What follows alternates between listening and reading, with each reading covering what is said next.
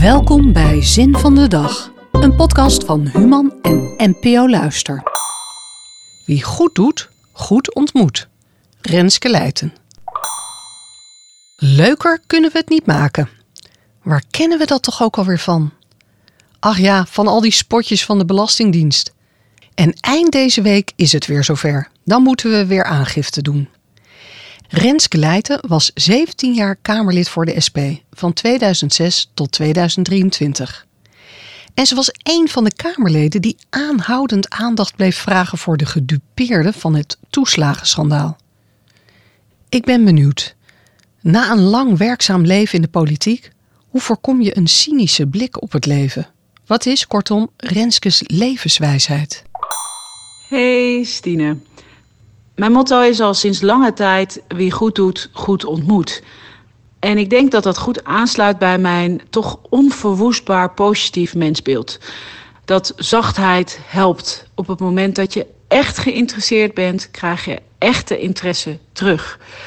Mensen mogen me naïef noemen, maar ik vind dit motto het leven waard. Over het motto: wie goed doet, goed ontmoet. Uh, heb ik natuurlijk best wel uh, deuken opgelopen, ook in mijn politieke tijd.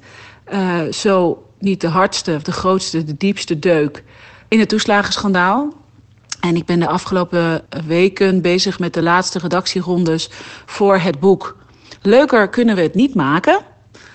Wat eind april, begin mei uitkomt. En het gaat over het leven en de strijd van Eva González Perez.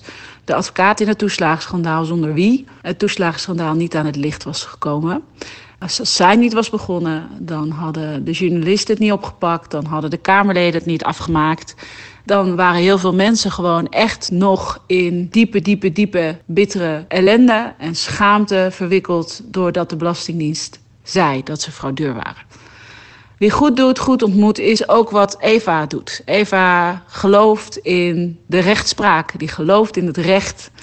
Nou ja, zij heeft het ook echt laten zien. Uh, ze is een zachtmoedig, goedmoedig mens, maar tegelijkertijd standvastig en niet naïef. En dat vind ik ook in de leus wie goed doet, goed ontmoet zitten. Er zit een opdracht in aan jezelf om ook degene die goed doet, ook goed te ontmoeten. Het zit een opdracht in om het beste beentje voor te zetten en er ook van uit te gaan dat je dat dan terugkrijgt. Er zit een wederkerigheid in die volgens mij bij het leven hoort. Heb jij ook een levenswijsheid? Stuur die dan naar zinvandedag.human.nl